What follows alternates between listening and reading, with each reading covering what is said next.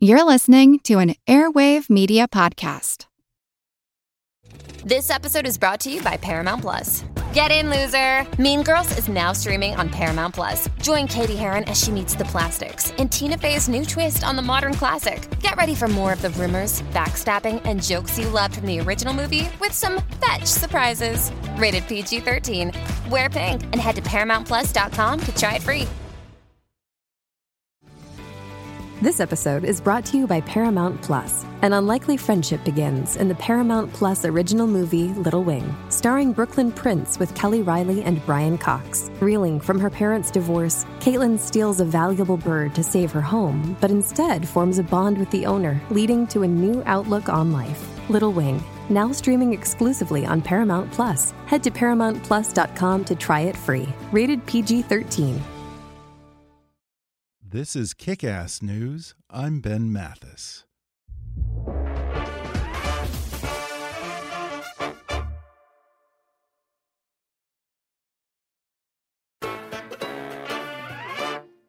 Hi, I'm Ben Mathis. Welcome to Kick Ass News.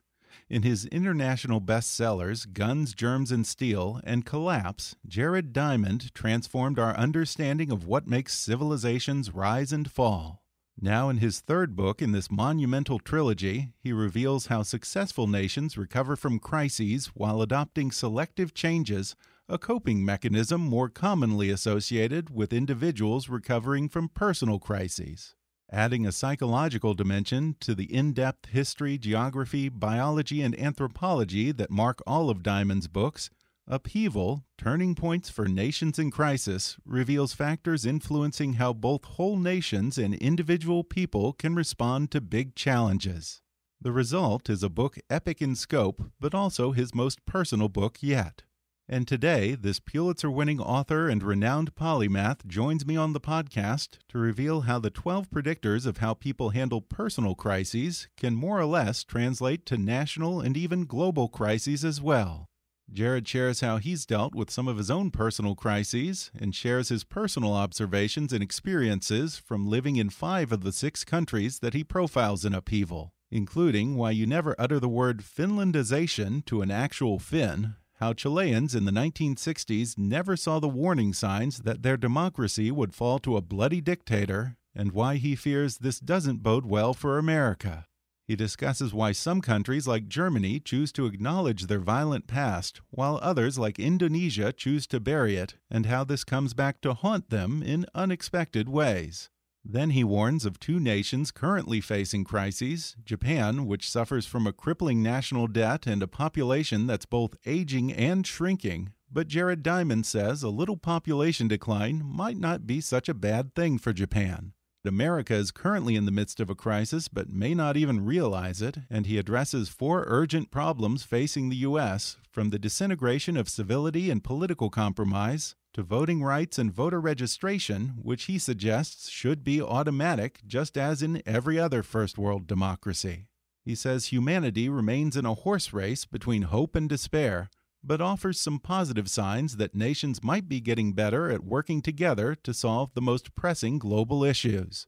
Plus, Jared answers a few of the most frequent questions that he receives from his millions of fans all over the world. Coming up with Jared Diamond in just a moment.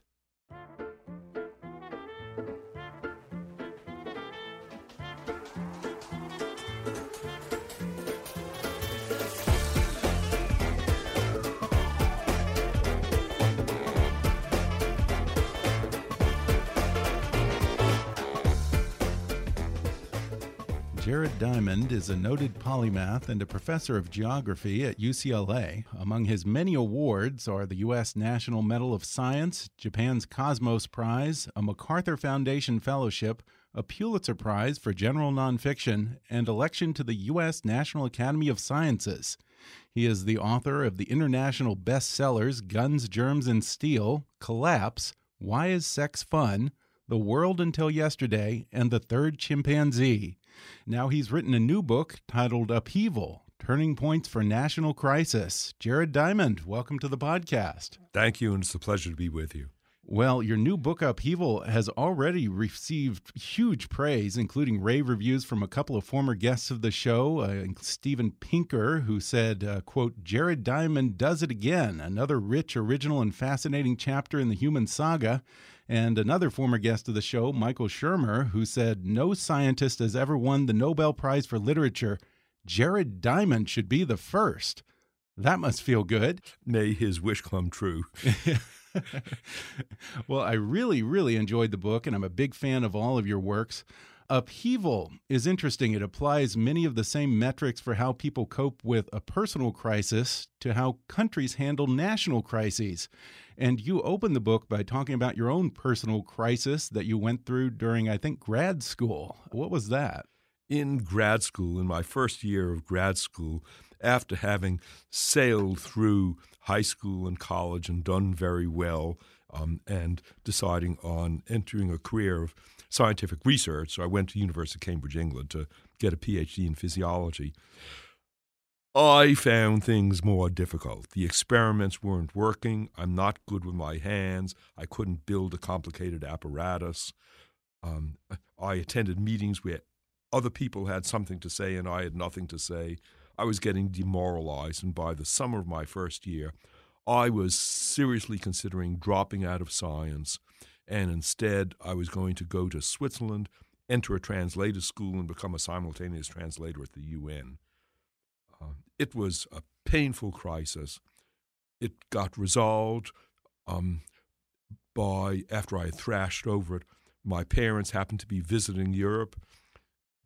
We talked for a week. Must have been agonizing for them to see how undecided I was. And then finally, the decisive moment, we were sitting on a park bench in Paris, and my father said, You've been working on this research project for only a few months. This is a career of scientific research. You were thinking about doing it for the rest of your life. Don't you think perhaps it's early to give up on that goal? Why don't you try try it for another semester? And if it doesn't work, you can still go to graduate school. You can still go and become a simultaneous translator. But don't you think it's early to pull the plug? And, and dad was right. Dad was patient. I was impatient with myself. I went back, continued the experiments. The experiments worked. I resolved my philosophical doubts about being a scientist, and I've been happy ever since. Even though you didn't become a simultaneous translator, you do speak I don't know how many languages, right? So in some sense, you kind of followed that's old paths. That's true. At, uh, at one time or another, I've spoken or read thirteen languages, although there were only there were only five of them that I can speak now. Although yeah. I can read some of the others. And you started as a professor of physiology, but your career has had many twists and turns over the years. Then you pursued ornithology and ecology, and later in life, you developed a third career in environmental history and geography. And do you find that you have to constantly be pursuing something new and different in order to still feel like you're challenging yourself? No, it's no. It, it, that's an interesting question. It's not that I need to pursue something new and different. It's that I'm interested in multiple things, and I've been interested in them for my whole life. Mm -hmm. Geography. Um, I was born in 1937. And so I grew up in World War II with maps of the battle lines um, on the walls of my bedroom. I've always been interested in geography and history. I've been interested in birds since age seven. I, I began a career, a second career in ornithology after I got my PhD in physiology. So I had two careers from early on. And then, particularly after the birth of my twin sons, when I realized that the, their future was not going to depend upon gallbladder physiology, but on bigger issues, I gradually switched into geography and history. So it's not that I need something new. I'm happy with geography and history, and I'll do it for the rest of my life, but I'll also do New Guinea birds for the rest of my life. Okay, so you still pursue all these different areas of inquiry alongside each other. Do you find that they overlap or that they sort of inform each other in some cases? Yes, they do in an interesting way. Um, you might not think that New Guinea birds would inform how one approaches national crises. Yeah. But in fact, with New Guinea birds, you cannot perform experiments. You cannot go exterminate one bird that's considered not nice in order to see, see the effect on another bird. Uh, instead, to learn things in ecology, you have to look for natural experiments. You have to compare two different situations that naturally are a different way and learn from that not a manipulative experiment, but an experiment that nature gives you. But similarly with nations, if I want to understand uh, why one country becomes rich and another country becomes poor, I can't take away all the money from everybody in Japan and make Japan poor, and we'll have a controlled experiment. that also is considered not nice and it's not, not feasible. You got to do natural experiments, yeah. take what nature gives you and learn from what nature gives you. So it really is my work on New Guinea birds that has informed my approach to history, the approach of comparisons. Now, you suggest that there are a dozen key factors related to outcomes of personal crises that can, in many ways, also relate to how countries handle national crises. Uh, can you walk us through a few of those? Uh, I can walk you through, but but you and I and everybody listening to us knows from experience with personal crises. Mm-hmm. Personal crises, meaning breakup of a marriage or a relationship, or death of a loved one, or a setback to your career or to your to your health. You know that in a personal crisis, you get nowhere until you acknowledge that you're in a crisis. Mm-hmm. If you don't acknowledge you're in a crisis, you're not going to resolve it. Once you acknowledge you're in a crisis. You get nowhere unless you acknowledge that you have some responsibility. You're not the helpless victim, poor me, victimhood. Um, instead, there's something you can do about it. Um, then, when you're in a crisis, in a personal crisis, most of us get help from friends, emotional help, sometimes material help.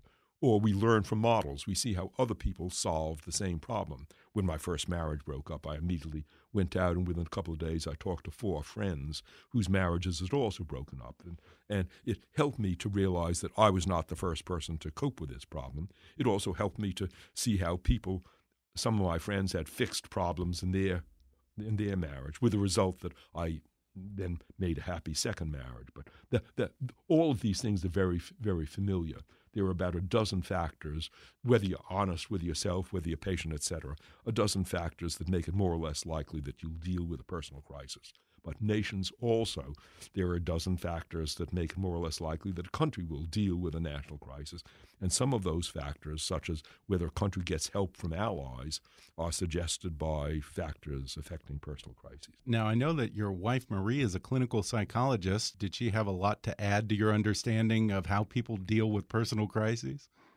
It's not that Marie had a lot to add to my understanding. It's that Marie gave me my understanding. okay. Because yes, Marie is a clinical psychologist with a special specialty in crisis therapy. That's a branch of psychotherapy in which instead of seeing someone for years and exploring at leisure what happened in their childhood, someone is in a crisis. You, the therapist has to act fast because in the worst case, the poor person may commit suicide or yeah. give up.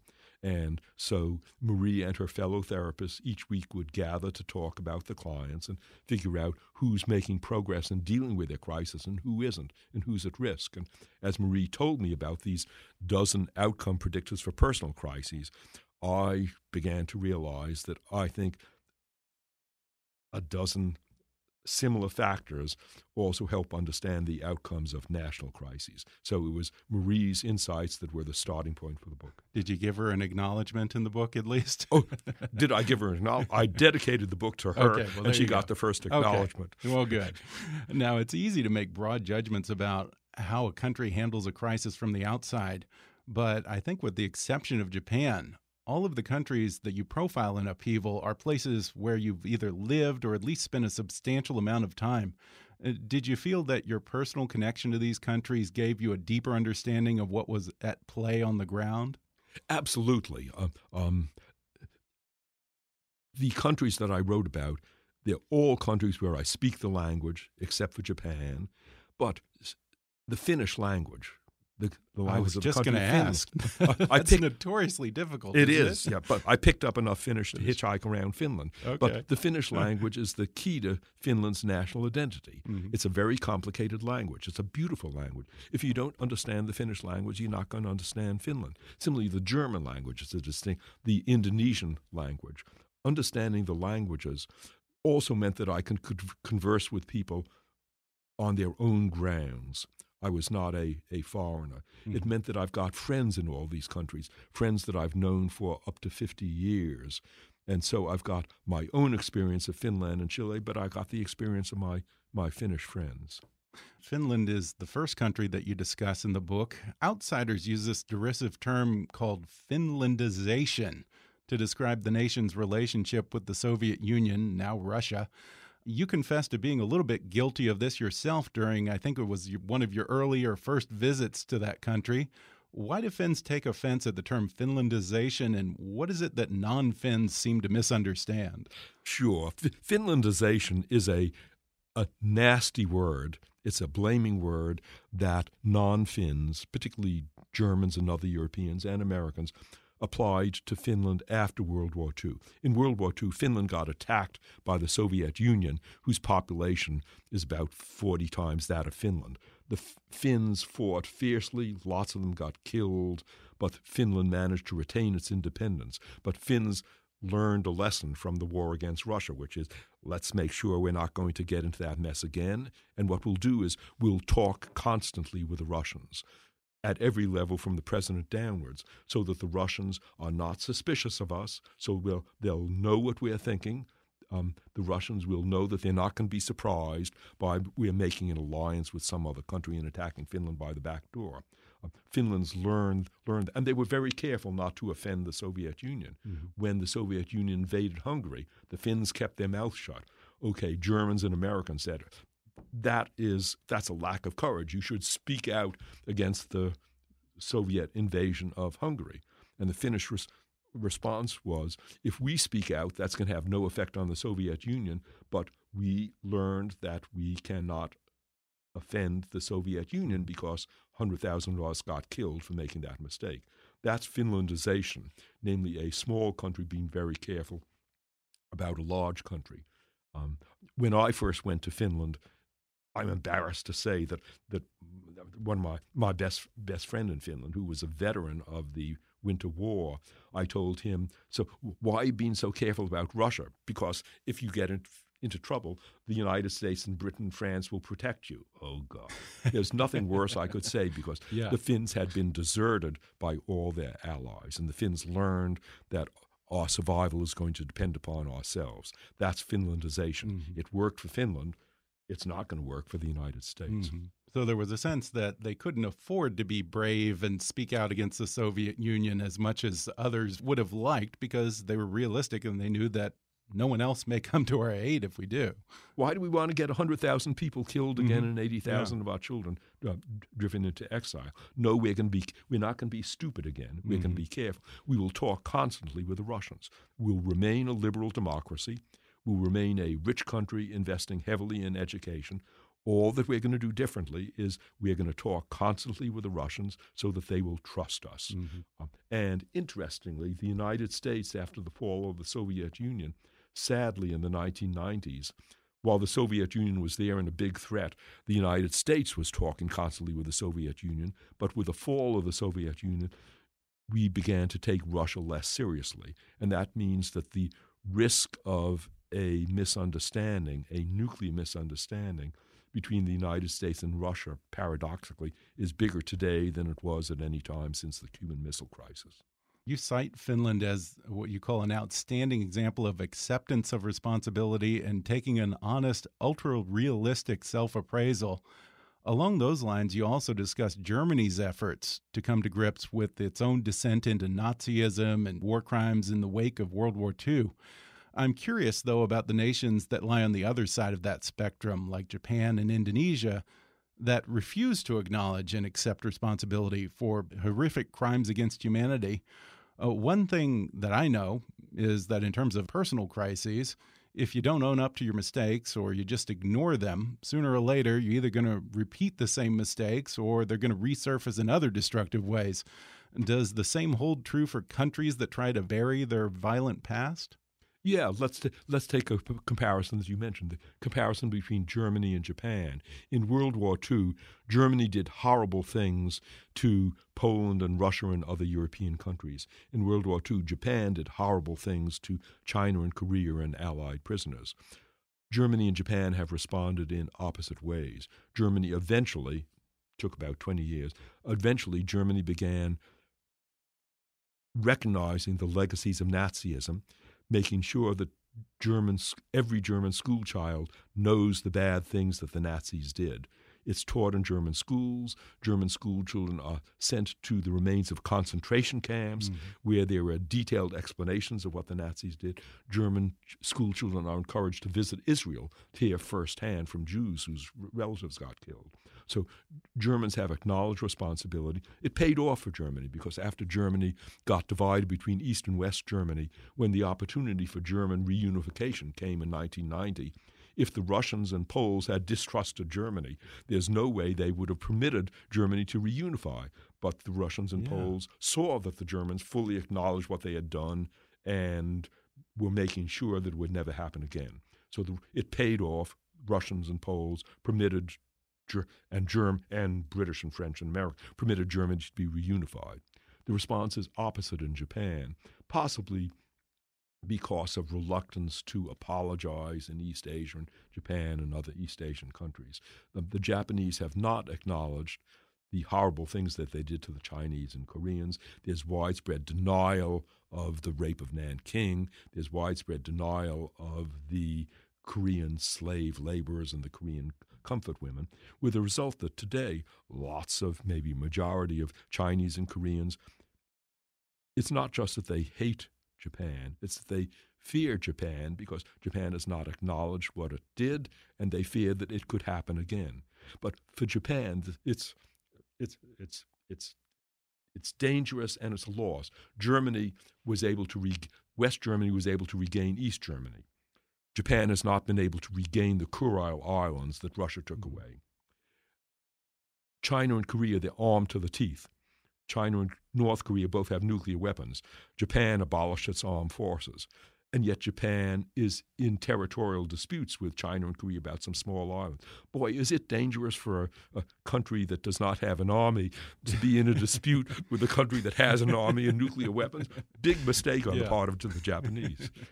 Uh, yeah, another one that you cite is Indonesia. And you talk about when you visited there a number of times how there's just no acknowledgement of the violent atrocities that were committed in the wake of the communist revolt there. It's just not spoken of, huh? That's true. I've been working in Indonesia, Indonesia since 1979 because New Guinea, where I do my field work, half of New Guinea is part of Indonesia. In 1965, there was a attempted coup d'état in Indonesia which failed. In response to the coup d'etat, the Indonesian army set out to exterminate, literally to exterminate, the Communist Party, which was the biggest political party in Indonesia. The number of Indonesians killed, the usual estimate is half a million, so maybe it was wow. two million. But since then, there has not been acknowledgement and discussion in Indonesia. In all my time of working in Indonesia, and I've spent a couple of years of my life total in Indonesia, only once have I heard any mention of the biggest event in modern Indonesian history, and that was on, it was last year when an Indonesian friend of mine finally mentioned the genocide of 1965, but there's silence about it. We're going to take a quick break, and then I'll be back with more with Jared Diamond when we come back in just a moment.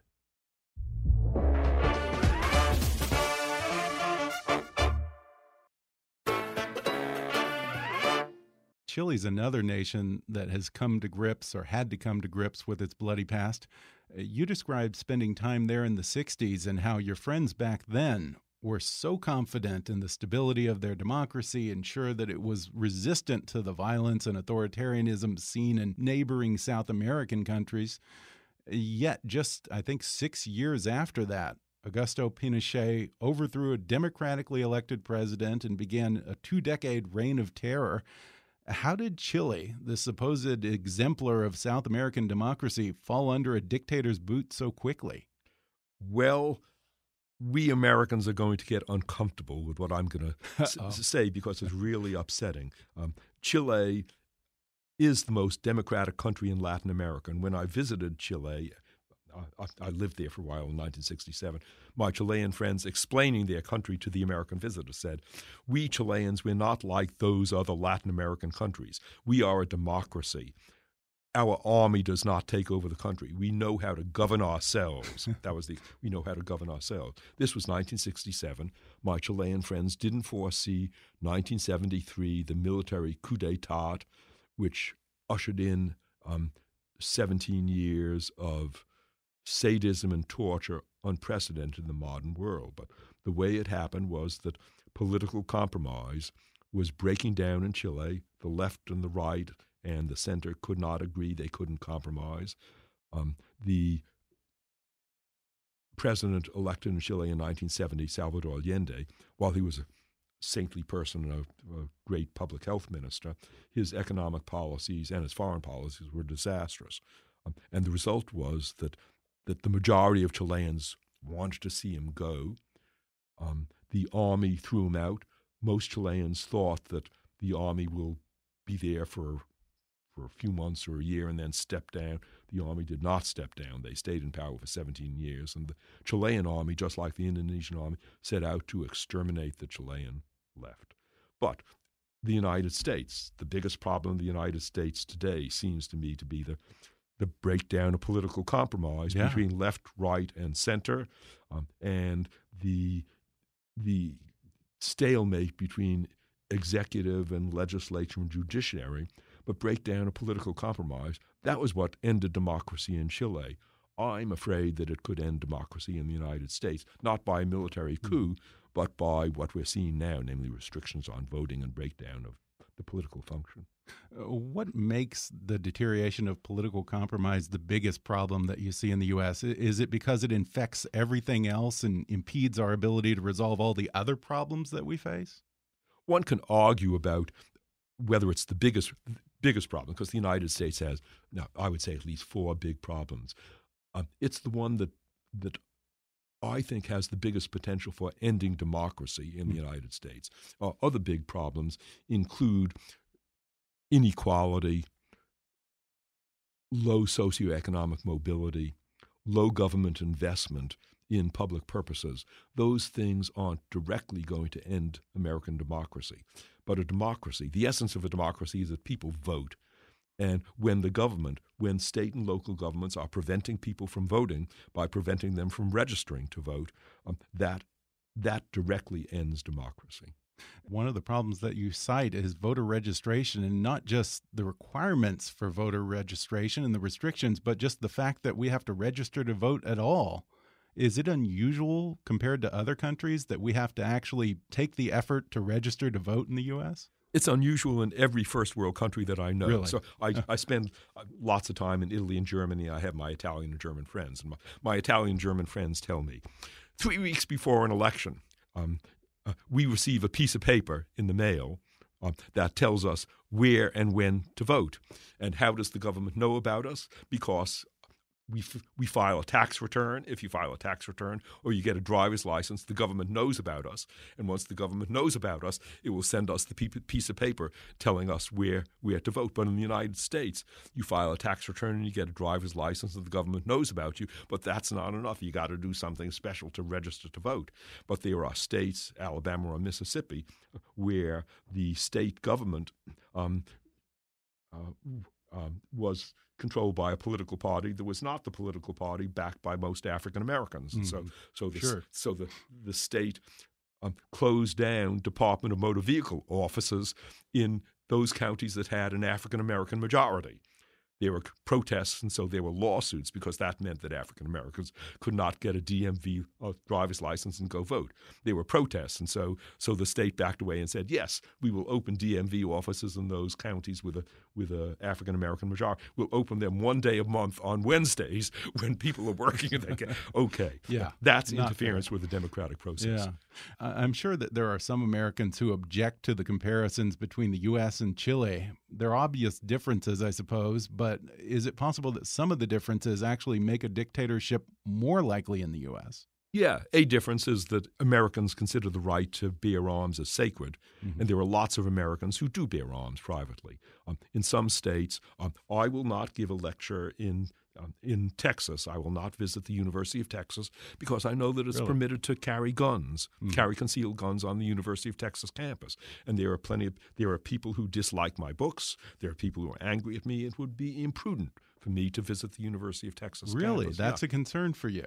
You bet it's a, you, you bet it's a concern if I know wow. that, that people are walking around with, with concealed guns. So, uh, when you ask what are things that are more worrisome in the United States than in Chile, more worrisome in Chile um, was that the American military has never intervened in politics, hmm. whereas the Chilean military stepped in briefly on a couple of occasions. But more worrisome in the United States is that there are lots of Americans who consider it their God given right to run around with guns, and they use guns, Yeah. whereas that was not hmm. the case in Chile. Any discussion of polarization and the decline of social capital in the U.S. tends to put a lot of the blame on texting, social media, cable news, and all of our gadgets that we can't let go of these days. As if Americans have had all of these things foist upon them and have no personal responsibility. Those are convenient scapegoats, but does technology really deserve all of the blame? Does technology deserve all of the blame? No, of course it doesn't deserve all of the blame. For one thing, we're the ones using the technology, and it's it's we're uh, we're denying our responsibility Mhm. if we say I'm a helpless victim to pull out my cell phone 322 times a day. But it's also the case that that let me give you a contrast example. In New Guinea, where I do my field work, uh, New Guineans traditionally didn't have non face to face technology. When New Guineans talk with each other, they're sitting each other, they're looking at each other in the eyes, they're looking at the body Yeah. language, they're smelling each other. The other person is a human being. Increasingly in the United States, beginning with a telephone, well, beginning with a newspaper, and then beginning with a telephone, and then beginning with radio and television, and now now cell phones and internet. Most interactions in the United States, most personal interactions, are not with another human, but they're with words and a screen. Well, it's it's easier to be insulting to words on a screen than it is to a Sure. person in the face. But in New Guinea, every conversation is face to face, and when you see someone three feet from you, you have inhibitions about telling them that he's a jerk and other bad things. Things that you would put on your cell phone, but you won't, wouldn't do face to face. So that's part of it. But you can say, well, for heaven's sakes, Jared, Italians and Japanese also have cell phones. That's true. Good point. So why why why aren't why hasn't political compromise Yeah. broken down in, in Italy and Japan as well? And that's a big question. I can think of two reasons. One is that the United States leads the world in technology. Maybe it's that these things came first in the United States. They came later in Italy and Japan. And it's just a matter of time. hmm Within some years, Italy and Japan will be as bad as the United States. That's one possibility. The other possibility is that these things that are, are wearing away, running down personal relationships, they are counteracted by what's called social capital, involvement of people with other people. In Italy and Germany and Japan, when my Italian and German friends move, you move from any city in Germany to any other city in Ger- and you're always within a day's train journey or a day's car journey. People remain in touch with their childhood friends. Um, also, Germans and Italians and Japanese, they're just more involved with other people than are Americans. We move bigger different, bigger distances. We lose contact with friends of our childhood. We Americans just more individualistic. We still have a frontier mentality. I just came back from a month in Italy, and in from two weeks in Italy, and in two weeks in Italy, um, I had more social life. I had more lunches and dinners than in a year in the United States. Yeah. It's just that Italians and Germans and Japanese and other people spend more time with each other than do Americans. So that's the other possible explanation. And yet you list Japan as the other country, in addition to the U.S., that you say is presently facing a crisis.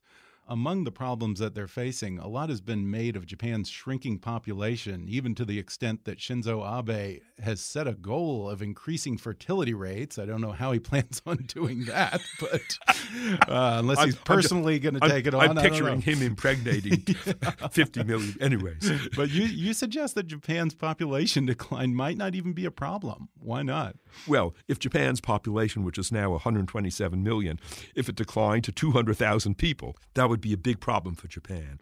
But if Japan's population declines from 127 million to 125 million to 117 million, that's a big benefit for Japan because the Japanese view themselves correctly as a resource poor country.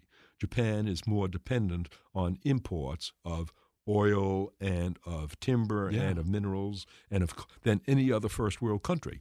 The fewer Japanese there are, the less you've got to import. Well, Japan ended up in World War II because of this drive to import.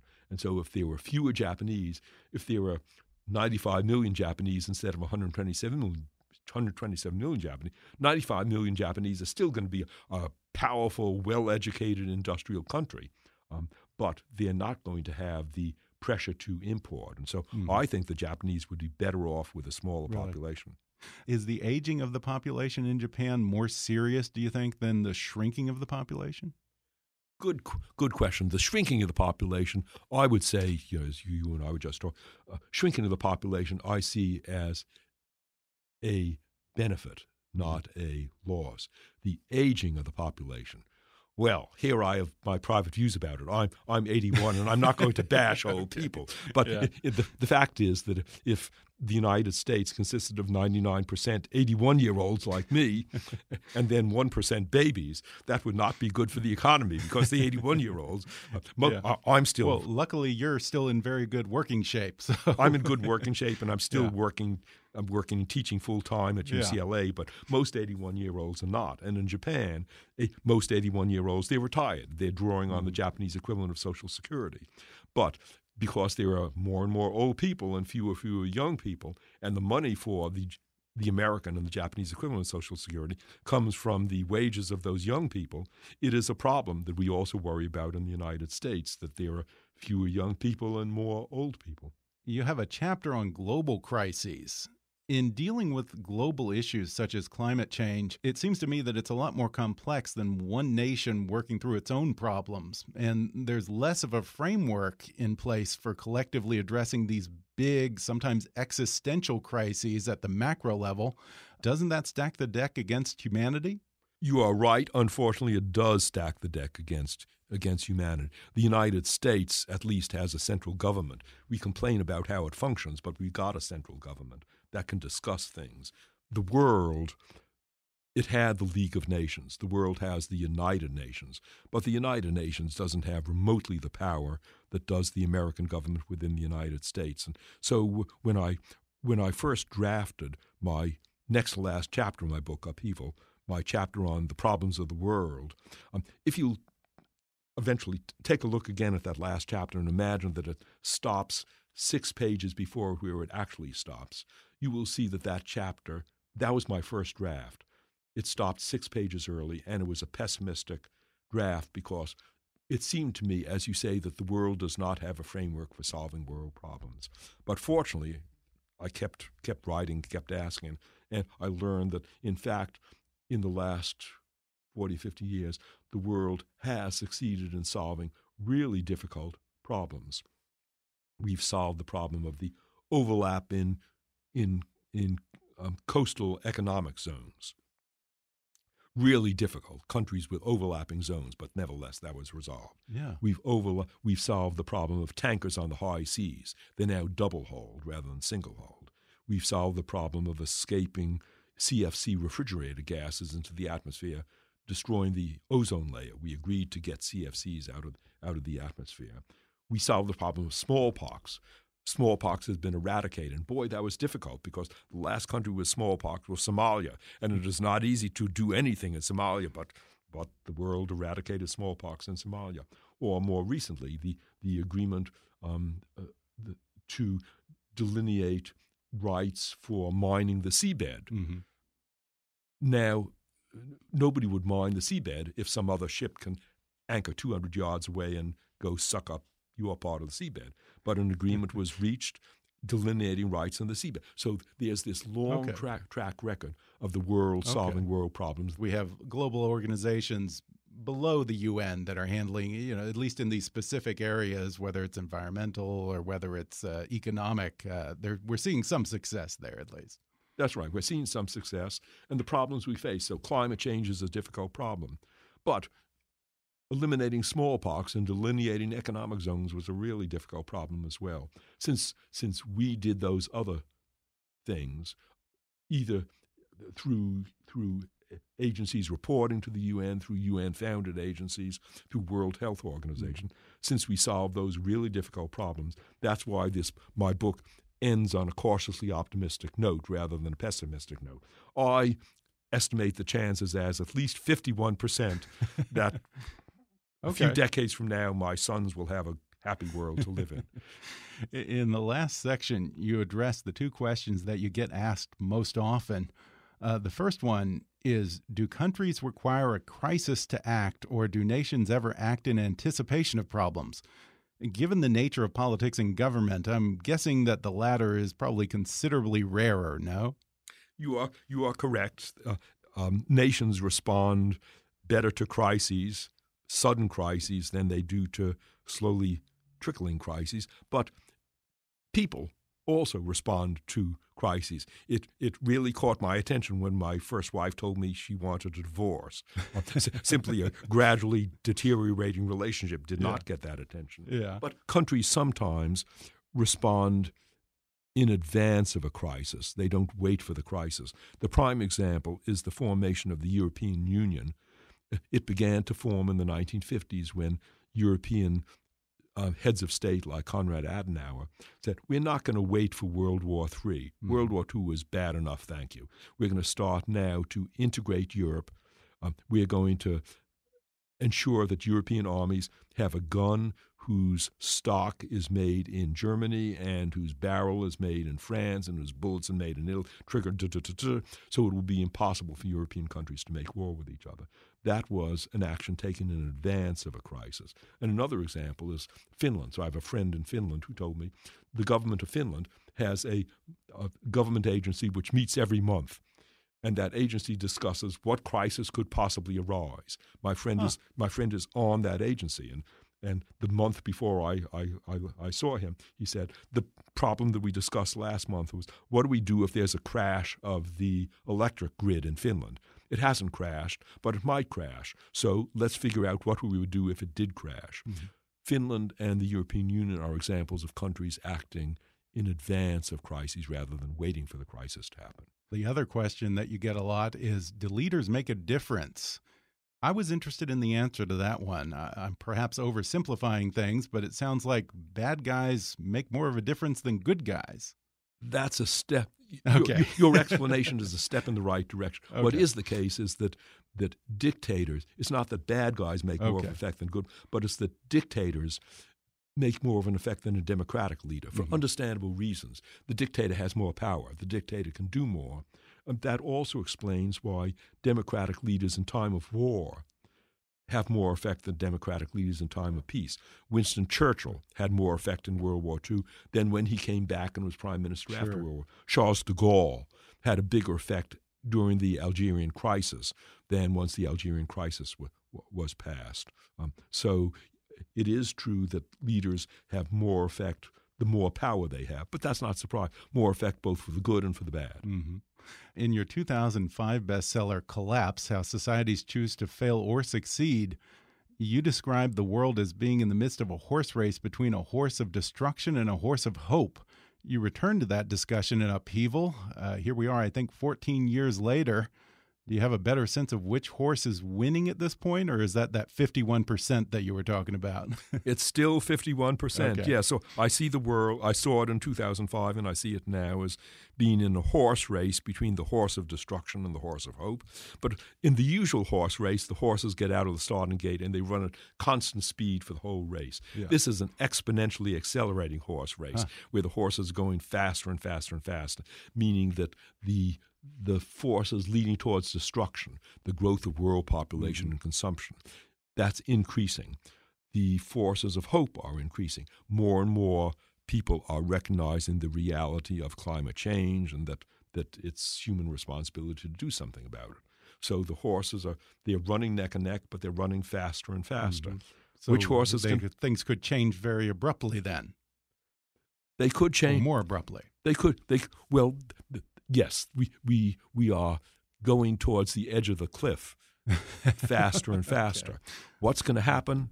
I don't know, but I'm I'm cautiously optimistic thanks to things such as the those world problems that the world has dealt with in the last 50 years and thanks to the increasing recognition of the reality of climate change, uh, I would say the chances are only only 49% that we'll have a bad ending, and chances okay. are at least 51% that we'll have a happy end. But it depends upon the choices that people make. Okay, could be worse then. well, again, the book is called Upheaval Turning Points for Nations in Crisis. Jared Diamond, it's been such a pleasure. Thank you for talking with me. Thank you very much. Thanks again to Jared Diamond for coming on the podcast. Order his terrific book, Upheaval Turning Points for Nations in Crisis, on Amazon, Audible, or wherever books are sold beginning Tuesday, May 7th. Be sure to subscribe to Kickass News on Apple Podcasts if you haven't already. And if you like what you're hearing, then rate and review us while you're there. Five star reviews are the easiest way for new listeners to find us. Don't forget to like us on Facebook and follow us on Twitter at, at KickassNewsPod. And feel free to email me with your thoughts, questions, and suggestions at comments at kickassnews.com. Until next time, I'm Ben Mathis, and thanks for listening to Kick Ass News.